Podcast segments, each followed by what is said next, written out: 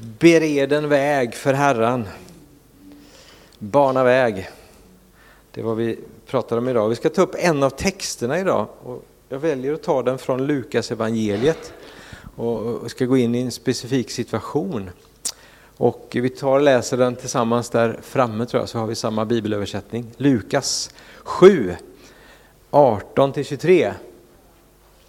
Det handlar om Johannes döparen. Och då står det så här, allt detta, om man börjar, börjar med det, liksom Jesus hade uppväckt människor från de döda, han hade helat, botat sjuka, det hade hänt jättemycket. Det är det som är allt detta. Fick även Johannes höra genom sina lärjungar. Men då kallar Johannes till sig två av sina lärjungar och sände dem till Herren för att fråga, är du den som skulle komma eller ska vi vänta på någon annan? Männen kom till Jesus och sa, Johannes döparen har sänt oss till dig för att fråga, är du den som ska komma eller ska vi vänta på någon annan? Just då botade Jesus många från sjukdomar, plågor och onda andar och gav många blinda synen tillbaka. Han svarade dem, gå och berätta för Johannes vad ni har sett och hört. Blinda ser och lama går. Spetälska blir rena, döva hör, döda uppstår och fattiga får höra ett glädjens budskap. Salig är den som inte tar anstöt av mig. Amen. Ja, Jesus hade lärjungar och Johannes hade lärjungar en speciell relation till några människor som, som på ett särskilt sätt ställer sig med någon och säger, jag kan vara din lärjunge, kan du träna mig? Kan du hjälpa mig? Kan du... Eh, intressant. Jag tror att det är en bild som vi behöver plocka med oss in i, i dagens församlingsliv. Det var en liten parentes, men att, att det här lärjungaskapet finns. Får vara levande, för där, där händer det mycket processer.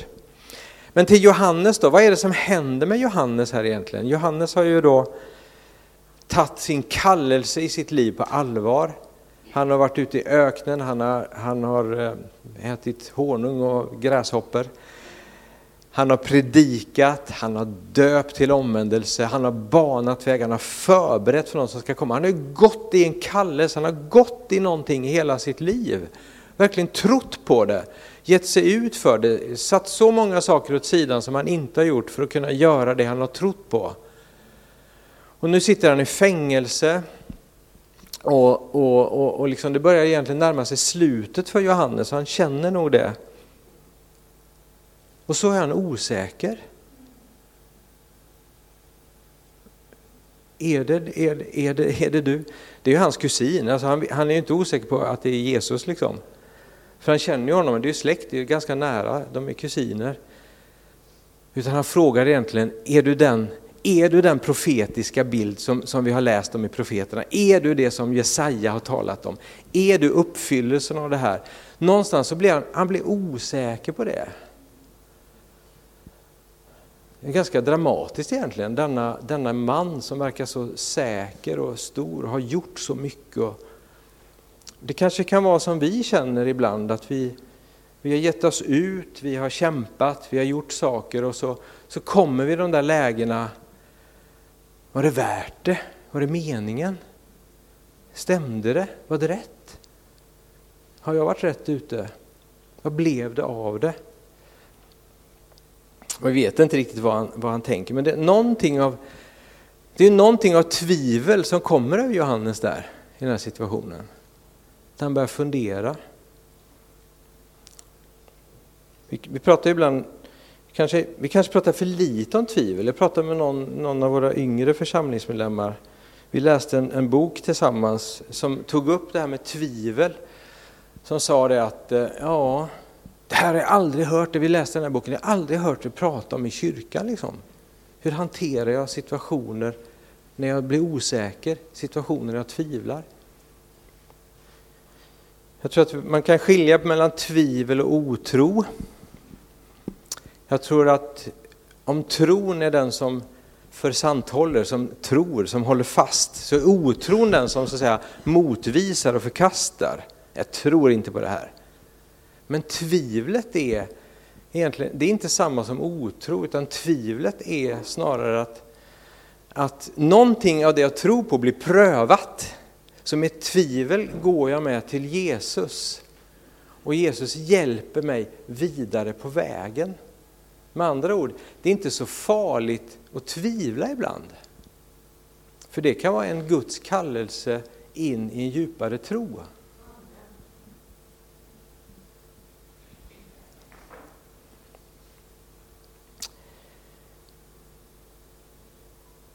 Tvivlet, då går jag ju fortfarande till Jesus med det. Jag kan säga till Jesus, jag tror inte. Är du med? Då har jag fortfarande inte tappat taget om Jesus. Eller hur? Det är skillnad på det och, och, och otro, där jag bestämmer mig för att det här är inte sant. Det här tror jag inte på, det här funkar inte, det går inte. Jag går en annan väg. Med tvivlet går jag till Jesus och så, och så händer det saker. Och tro är ju så många olika saker, nu kan vi inte ha, prata jättemycket om det, men tro är ju både sanning, liksom, eh, det handlar om sanningen att göra, är det liksom, är, blev Jesus uppväckt från de döda? Föddes blev, blev Jesus till på, i, i, en, i, är det en jungfrufödsel? Liksom, va? Eh, det finns sanningar i evangeliet, att lyda eh, Jesus, att, att gå med honom. Det finns olika sanningar som min tro kan koppla till. så att säga. Va?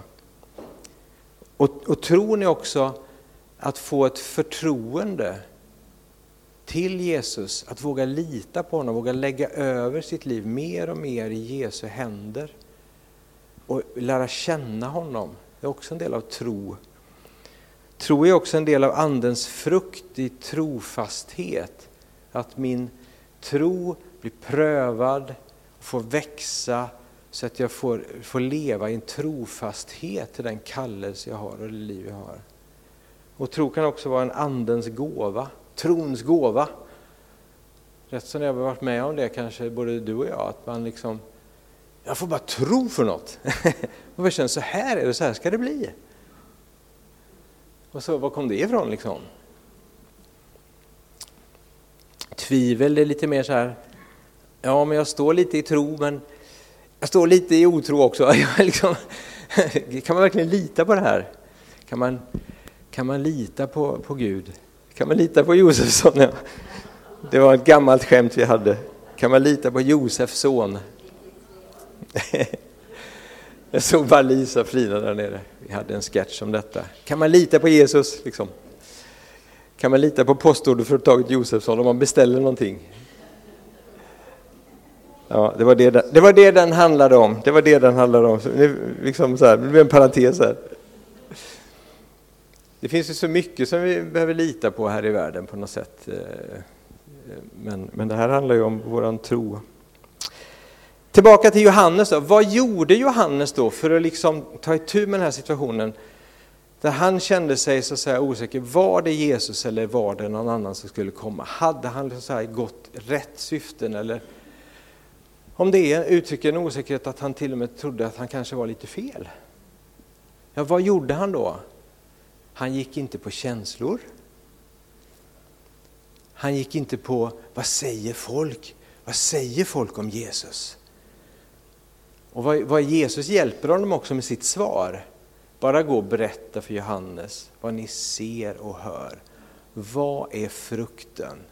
Inte vad folk säger, inte vad liksom åsikterna är, inte liksom känslan, om det känns bra eller dåligt. Utan berätta om ni ser. Berätta vad ni ser. Så kan Johannes själv bedöma det, säger Jesus. Tänker jag att han menar när han kommer och berättar, är det det som Jesaja talar om? Är det som det som profeterna har burit fram om den Jesus som skulle komma? Om det är det, ja då är det han.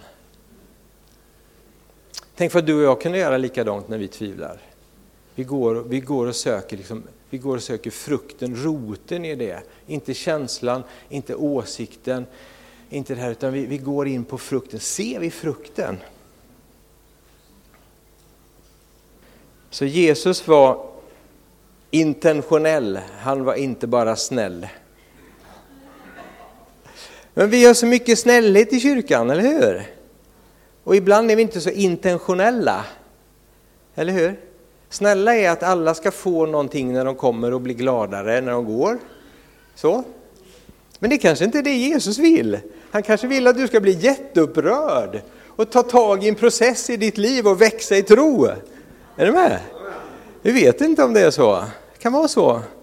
Ibland så tar Jesus oss på en resa vet du och låter våran tro växa genom tvivel, genom saker som händer. Vi får pröva, vad är rätt? Är jag rätt ute? Var är jag på väg någonstans? Vad är det som händer? Vart är jag på väg?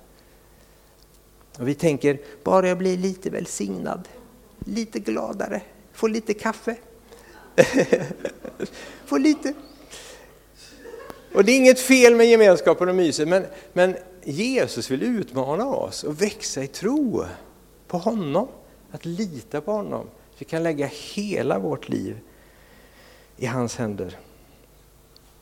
Så jag tänker, eh, gör som Jesus i de här lägena. Ställ frågor till Jesus direkt. Det är ingen idé att hålla på och fundera om Jesus finns eller inte. Det är bättre att bara fråga honom. Sätt dig ner och be. När du tvivlar, när det är någonting som, som du hakar på, sätt dig ner och, och fundera över de här bitarna. Prata med Jesus. Se frukten. Ser du människor där du ser frukt, följ dem. Fråga dem om råd. Människor där du inte ser frukt, ja, så. Lyssnade på, vi har lyssnat, varit ute och rest lite jag och Elisabeth, vi har lyssnat på några olika program. Vi, pratade, vi lyssnade på en Birgitta Ed. Hon hade ett väldigt bra tips. Vet du vem Birgitta Ed är? Precis, first, Sveriges first lady. Hon är ju präst. Eh, hon sa så här, vi pratar lite för lite på kyrkfikat om mirakler, sa hon. Ja. Vi pratar mer om, det var hennes tradition, vi pratar mer om liksom reformatorerna och, och Olaus Petri och sånt där. Det kanske inte vi gör här, jag vet inte vad vi pratar om. Eh, men hon sa så här, om man frågar människor så här, sa hon, Tror du på mirakel? Så säger människor ofta så här, nej, så här. Men, sa hon, om man frågar människor så här, har det inte hänt något mirakel i ditt liv? Då har oftast människor något att berätta, något märkligt som har hänt. Vilken nyckel! Så ställ den frågan, har det hänt något mirakel i ditt liv? Jag tycker det är jättebra. En sak till, vi ska se på ett litet klipp här. Vi kör sån här lite samhället runt här. Vi har Modeus, våran ärkebiskop Martin Modeus var intervjuad av, nu tappar jag vad han heter, journalisten. Ja, vad heter han? Det är med namn. Det här 30 minuter med, ja, men du ser honom där på bilden. Ett litet kort, kort klipp här bara. Jag vill hinna med en till. Eh, en till. Jesu upp, uppståndelse. Alltså att Jesus dog på korset och på den tredje dagen så mm. uppstod han från mm. de döda. Tror du på det? Ja. Det gör du? Ja, det gör jag. Och hur, eh, hur tänker du att det gick till? Det vet väl inte jag. Nej. Det är ett tomt mysterium. Rätt mycket i livet är mysterier. Kärleken är ett mysterium. En solnedgång är ett mysterium. Gud är ett mysterium. Om du tittar på ditt liv så är det fullt av mysterier. Du har förmodligen, som de allra flesta i, i människan, någonting i dig som, som skulle kunna kallas för bön. När, när dina anhöriga ger sig ut på vägen säger du måtte det gå väl. Det, SVT, du kan gå in och titta på det, det ligger där 30 minuter med och så vad han heter nu, jag kommer inte ihåg. Ja. Hur gick det till? Hur gick det till? Det vet väl inte jag. Men jag tror på det! Jag tror på att Jesus är född av en jungfru. Jag tror på att Jesus uppstod från de döda. Jag tror på Jesus! Undrar om det här är en ny tid? Just det, vi vågar, vågar liksom säga det. Vi har haft en tid av starka, mycket liberalteologiska ärkebiskopar där man, liksom, man har tagit hela vägen runt att det här är bara en bild för någonting. Men han sitter där och säger, jag tror på det. Jag tror på det. Hur gick det till? Ingen aning. Det kan du också säga. Vi sitter där liksom så här. Ja, men jag tror på att Jesus blev född av en jungfru. Hur gick det till? Ingen aning. Det vet ju Gud. Satt och pratade med om undret av ögat liksom. Kommer du ihåg när vi pratade om det Kabe? ögat, bara titta på ögat, hur det är konstruerat, hur det funkar. Det är liksom jättemärkligt. Ja, vilken slump! Ja. Så låt oss ta den här julen, låt oss ta Jesus på allvar, låt oss gå in i mysterierna. Bara bejaka det. Var sån här dum och bara tro liksom. Bara tro på Jesus, bara tro att han är där. När du tvivlar, bara gå till Jesus och säg, nu tvivlar jag på det här, liksom. bara hjälp mig, liksom. ta mig på en resa. Förklara för mig, låt det liksom uppenbaras. Jag bara vill ha en barnaktig tro på dig Jesus. I livets alla omständigheter, du hjälper mig igenom. Bered en väg för Herren. Herre, vi bara tacka dig för att vi får tro. Tack för Jesus för att eh, du är så fantastisk. Tack för att du finns i vår mitt, i vår närhet, var vi än finns Herre. Om vi så bäddar åt oss i yttersta havsbandet eller i toppen på ett berg Herre, så är du också där. Vi tackar dig för det Herre. Tack för att du är, du är nära oss Herre i livets alla omständigheter. Och när vi kommer i tvivel på om, om eh, det vi har gjort, har det varit rätt, var det bra? Alla sådana här tankar Herre, låt oss få bara komma till dig Jesus. Att du möter oss, att du i det tar oss vidare. Att vi får se vad som är frukten, att vi får se det liv som du har Herre. Jesus, vi prisar dig. Vi vill att vi ska få ära dig den här julen tillsammans. Amen.